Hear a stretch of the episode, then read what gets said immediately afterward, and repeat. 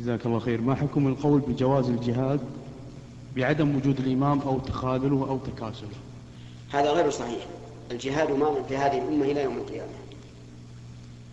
ولكن الجهاد يجب أن يكون أن يكون مدبرا من قبل ولي أمر.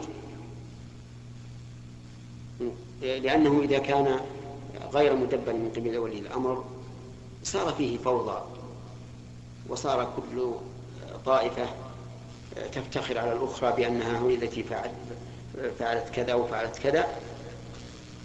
وفي التالي ربما لا تحمد العاقبة.